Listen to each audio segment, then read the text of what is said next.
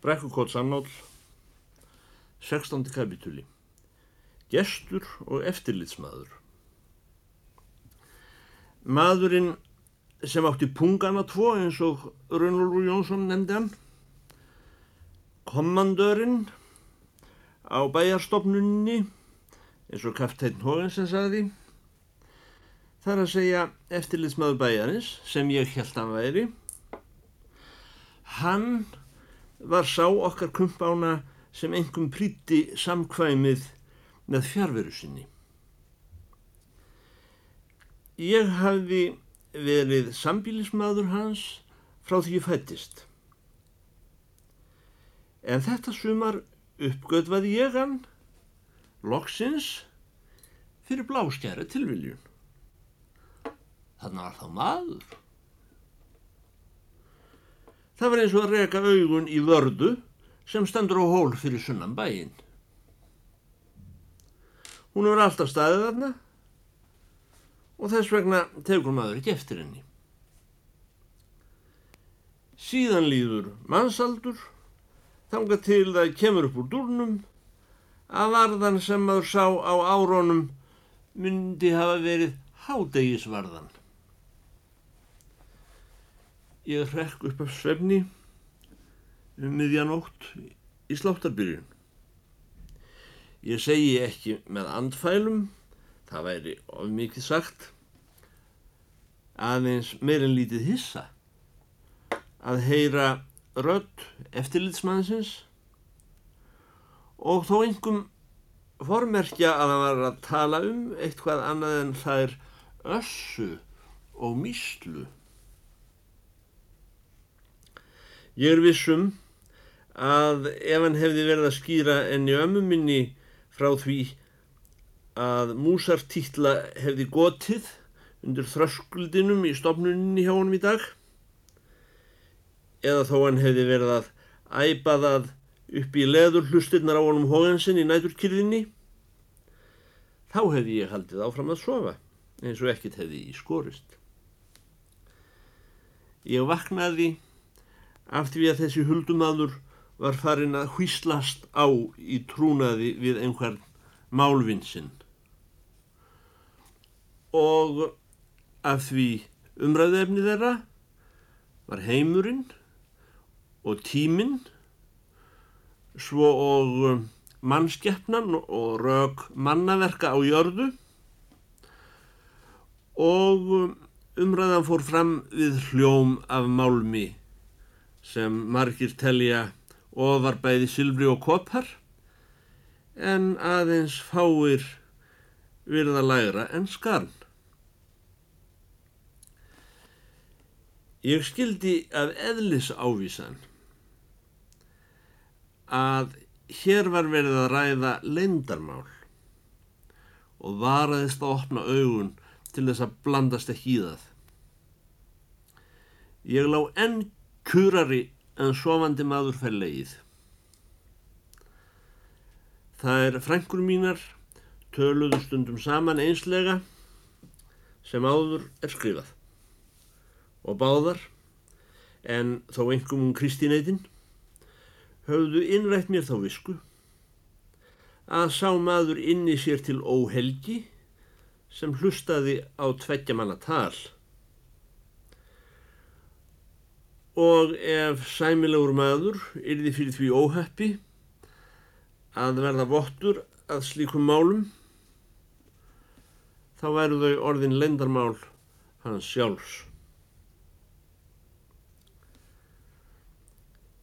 Mér var vitaskuld ókunnugt hvað farið hafði á milli málvina þessara tveikja til þeirra stundar er ég vaknaði af svefni í viðræður þeirra miðri. Og þaðan af síður hvað þeim fór í milli eftir að heimamaður hafði fyllt gesti sín til dýra og allt var orðið hljótt. Ég sá heldur aldrei gestin. Ekkert var ég afn fjari mér og farað að rýsa upp við dokk til að gæjast sem ég svaf þar fyrir ofanan kaftein Hógensen. Forvitni kann að heita digð eða löstur eftir því hvaða tegund almennar siðfræði maður les. Hjá okkur í brekkukoti voru forvittni og stelvísi ladrað jöfnum. En nú, þegar allir aðiljar þessara mála eru farnir annað og sá heimur liðin undir lok og ég er einn eftir, þá stíga andar upp úr glaðkistunni. Menn og myndir úr liðnum heimi endur holdgast og öðlast merkingu sem jafn vel var hulin í þann tíð. Svo er um þennan þátt úr samtali sem vekti mig að svefni hér um árið. Þetta náttþing sem ég varð áhersla gegn vilja mínum. Raunar dettur mér ekki í hug að orðin sem töluð voru þá séu nákvæmlega þau í þeirri röð sem hér skrifast nú. En hitt er grönn vissa mín að einmitt með þeirri rögleiðslu sem verður í samtalinu eins og það hefur endur skapast í hug mér, þannig voru ráð, ráðinn þessa nótt. Já, rétt segir þú vinur, sannlega erum við skildir menn. Og þó ég skilji reyndar ekki eins vel og kimbótafrömuðir eða efnafræðingar hvað skildleiki er, þá veit ég það sem meiru rýður, við erum þimmun skildari en aðrir menn sem þú ert nafnkunnari öðrum Íslandingum en ég ónafnkunnari. Elskulegi frendi var hvíslað á móti. Þú veist að ég er þess ekki verður að lesa skóðfengið þína. Ég veit það er blátt áfram hlægilegt þegar ég segi frendi þó ég kalli þig svo. Meistari er það orð sem á við um þig. Ef þú ættir heim á Indlandi, þá verður látið búa í gullróðinni höll upp á fjalli. Menn og konur úr fjallagum ríkjum myndu koma og ganga á njánum upp á fjalli til þín. Og þetta fólk myndi leggja enni sín í duftið fyrir þér. Skrítið er það, sagði eftirlitsmaðurinn, að mér hefur einlagt fundist að vera sami maðurinn sem fer í pílagrimsköngu á njánum allarleið upp á fjallið og hinn sem býr í gullróðinu höll upp á tindin. Finnst þér aldrei þú farir illa með þetta eina líf, frendi minn? Það er sagt að kötturinn hefði nýju líf þánga til að verður hendur. Ég og við finnst þér ekki ótilhlýðilegt að þú, þessi vitri maður, lifi lífið þínu í afplánan? Lægstur allra.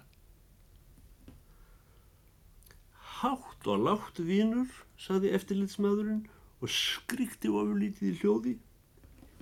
Ég veit ekki hvað það er ég á þitt stöðum mannsins í heiminum stærð þeirra atkvæða sem hann veldur afl verkaðina þú fyrir gefur Það er alveg rétt, sagði eftirlitsmaðurinn. Í fonnsögum er gerður munur á mönnum og munur á atburðum. Þar eru hetjur og litlir kallar. Þar eru stórtíðindi og tillingaskýtur. Eða réttar að sagt, litlir kallar og tillingaskýtur. Slíkt fær helst ekki að fljóta með í fonnsögum. Lífið hefur aftur á móti kent mér að gera ekki mun á hetju og litlum kalli, á stórtíðindum og tillingaskýt. Úr mínum bæjardýrum eru menn nokkurn veginn jafn stórir og atburðir nokkur veginn jafn merkilegir. En ef þú væri nú í einhverju annari stöðu frændi, eða jafnvel í öngri stöðu, og við, ef þú væri þar stattur sem þú sægir hlutin eins og hann er í raun og veru, in revera eins og sagt var í fyrsta bekk, spurði gesturinn. Því miður er ég slæmur í latínu, sagði eftirlitsmaðurinn. Aftur á móti er ég stundum að hugsa um talnafræði og þá engum og sér í lagi um eina tölu. Og það er talan einn. En ég viður kenni að það er líka óskiljanlegust tala í veröldinni.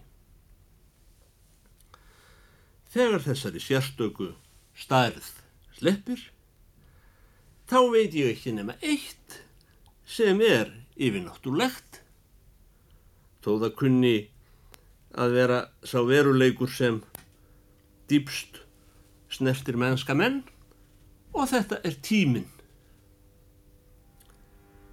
Og þegar farið er að hugsa um þennan sérkennilega stað sem ég var að segja þið frá, heiminn sem er aðeins einn og tengsl hans við það eitt yfirnáttúrlegt sem við þekkjum, tíman, þá hættir annað að vera herra og lægra en hitt, starra eða smerra. Já, en ertu ánægður, spurði gestur eftir liðsmannsins, umbúðalust eftir vildaldið, óþólinnmóður. Ef ég get gert eitthvað fyrir mann sem kemur til mín, þá er ég ánægður, sagði eftirliðsmaðurinn. Ég er ekki að segja að ég sé alltaf harð ánægður. Mér leiðist til dæmis einlegt þegar ég heyri frá útlöndum að veri sé að hengja þjófa. En ég var líka ósku fegin þegar ég frétti að prinsina Montenegro hefði verið að gifta sig hér á dagun. Ég veit svo sem að ég er ekki neinum neitt. En laungutöng er ekki stærri en litli fingur. Emmaður mælir báða við óendanleikan. Eða emmaður kreppir nefan. Það komu oft til mín ríðandi menn og fara baki fyrir utan hjá mér. Þeir eru kannski að leggja upp í langferð, kannski tíu daglegir eða meira. Það sem ég get gert fyrir þá er að halda í ístaði hjá þeim með þeirra að fara á bak. Ég álít að upphaf velíðunar sé fólkið í því að vera ekki að skipta sér af hvort aðrir menn ætla. Mér líður vel að því leiti sem ég tel sjálf sagt að hjálpa hurjum og einum að komast þangað sem hann vil. Meðal annar orðafrændi svo við komum aftur að þessari aðstóð sem ég var að ámálga við þig. Veistu nefnum þú sért að styrkja mig til þess að verða afbrótamann? Mundur þú vilja styðja mig til þess? Eftirlitsmaðurinn segir svo.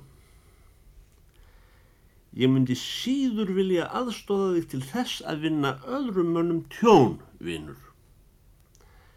Eða til að vinna sjálfum þér annað tjón en þú telur þér paradís. Músinn býr í hólu. Það er fjaska erfitt að bú í hólu. Að minnst að kosti myndi fugglum þykja það vond paradís. Aftur á móti telur örnin sig til heimilis í fjallatindum og kallar sig konung yfir forsal vinda. Já, því lík ekki sem fjärstæða vinnur. Og auðmingja litlu mófuglarnir okkar, þeir koma fljúandi hinga til Íslands á hverju vori og fara aftur á hverju hausti á þessum ónýtu vangjum yfir þetta ógnar haf. Láttu þér samt ekki detta í hug að þeir gera þetta til viljun og út í bláin? Nei, þeir hafa sína heimsbyggi þó hægt sé að sanna með tilvittnunum í höfunda að hún sé fásinna. Ég veitna aldrei í höfunda. Margir telja rétt að skjóta fuggla af því þeir séu svo heimskir. Ekki myndi ég gera það. Ég álýta það eigi að hjálpa öllum að lifa eins og þeir vilja. Jafnvel þó mús kemi til mín og segðist alltaf að fara fljúandi yfir sjóin og Assa segðist vera að hugsa um að grafa sér hólu honni í jörðina þá myndi ég segja vesku. Það á að minnst að kosta að leifa hurjum einum að lifa eins og hann sjálfur vill meðan hann aftrar ekki öðrum frá að lifa eins og þeir vilja. Ég veit að það er hægt að sanna að best væri að við værum öll maðkur í sama kálgarðinum. Örnum bara trúur ekki sannleikan, ekki músin heldur. Ég er jæmt á bandi össu sem aðhyllist sannanlega villukenningu og míslu sem er svo lítilmótleg í hugsunarhætti að hann gerir sér hólu onni jörðina. Ég er vínur farfuglanna þó þeir aðhyllist vægast sagt viðsjárverða lífskoðanir. Kanski meira segja rángar. Og þó sé heimskulegt og lífshættulegt og blátt áfram í rauninni alveg glæpsamlegt að fljúa yfir úthafið á þessum litlu ónýtu vengjum. Þá er fallegt kvækið í lóunni á vorin og Jónas Hallgrímsson hefur orðum það kvæði. Og það hvarlar aldrei að þér frendi að ég sé smán í því að hafa á hendi svona ógeðslega þjónustu, spurði gesturinn. Já, það er nú svo og svo er nú það, sagði eftirliðsmaðurinn og fór að hugsa. Nú skal ég segja þið sögu. Eins og þú veist, þá er ekki til neitt köpurirði sem Íslanding svíður undan, nema ef sagt er að hans sé danskur. Meðan ég var bónd upp á skaga var ég einu sinni í hofferð hér syðra. Ég kom í tvo staði. Þessir staðir eiga sammert í því að sveitamenn neyðast helsu sinnar vegna til að vitja begja. Annar þessara staða var sá, þar sem ég nú er eftir liðsmaður, eða eins og hann Jón Minn Hógensen sem sefur þarna segir, komandör. Ég hafði komið í ímsa miðlungsgóðastaði, en í þessum ríkti minni þryfnaður en í flestum öðrum þar sem ég hafði komið. Því miður voru Íslendingar yfirmenn á þessum stað. En ég átti sem sé líka erindi í apotekið hjá honum Mikael Lund sem er með leiði danskur maður. Er þar skemst frá að segja að ég hafði aldrei áður komið í stað þar sem manni fannst hægt að spegla sig, ekki aðeins í loftinu og veggjónum, heldur líka í gólfinu. Og þar var ekki aðeins þefur af sóttrensunar meðali, heldur líka af sápu og stengvatni úr sérkurjum hlut.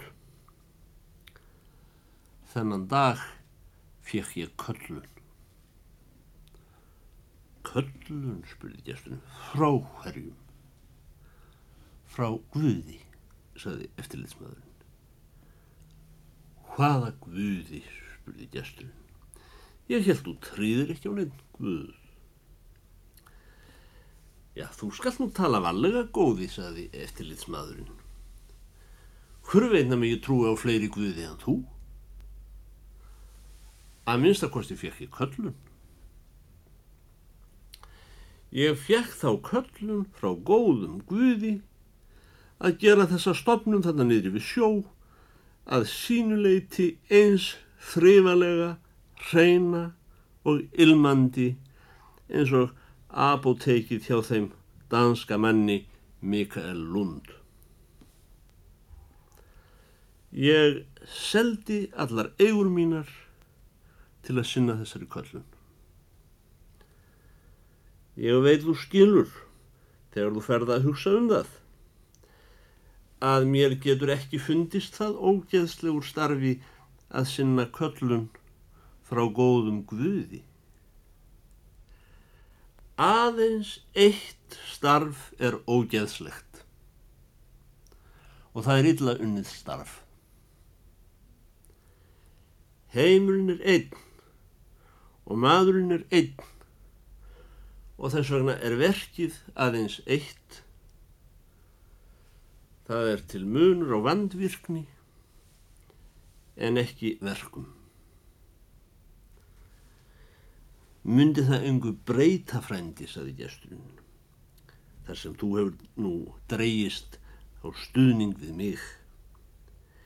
Ef ég geti veitt þér þann stuðning í móti sem ekki er vist að allir getu veitt þér jafn auðveldlega. Ég er innundir hjá flestum meiri háttar mönnum hér í bænum og þúast við aðstumann landsins. Mjör er lofa lægið húnar sem er að útvega þér starf sem gefur margfalt í aðra hönd við það sem þú hefur nú. Stöðu sem gerði þér fært að inna af höndum miklu göfúri þjónustu fyrir samborgarna þína en svo sem þú hefur nú. Slíkur hæfileika maður. Eftirlitsmaðurinn svaraði. Ég veit vel að mín staða er ekki kvölduð há en hún verður ekki lág, jafn lengi og maður er getinn og borinn. Ekki vissi ég hvort gesturinn var úrkula vonar um að fortölur hans við eftirlitsmann myndu bara árangur því hann sagði ekki fleira. Hinn síðan nefndi tók til þar sem fyrr var fráhorfið og batt enda á þann þátt samtalsins sem framfór á miðloftinu og síðan gengur þér út. Nei, vinnur, saði hann. Ég kæri mig ekki um annað starf en það sem ég hef með höndum. Þó ég veri landshöfðingi teldi ég mig ekki geta þjónað mönnum og síst sjálfu mér betur en nú. Ég held í ístaðið hjá mönnum meðan þeir að fara á bakk. Ég veit að það sem ég fæ gert fyrir þig eru smámunir og það er af því heimurinn er aðeins einn og hann er í tímanum og tímin er yfir náttúrlegur og óvinnanlegur ofjarl alls sem er. Aftur á móti er ég reyðubúin að leggja dálítið á mig til viðbótar svo ég geti liðsind þér.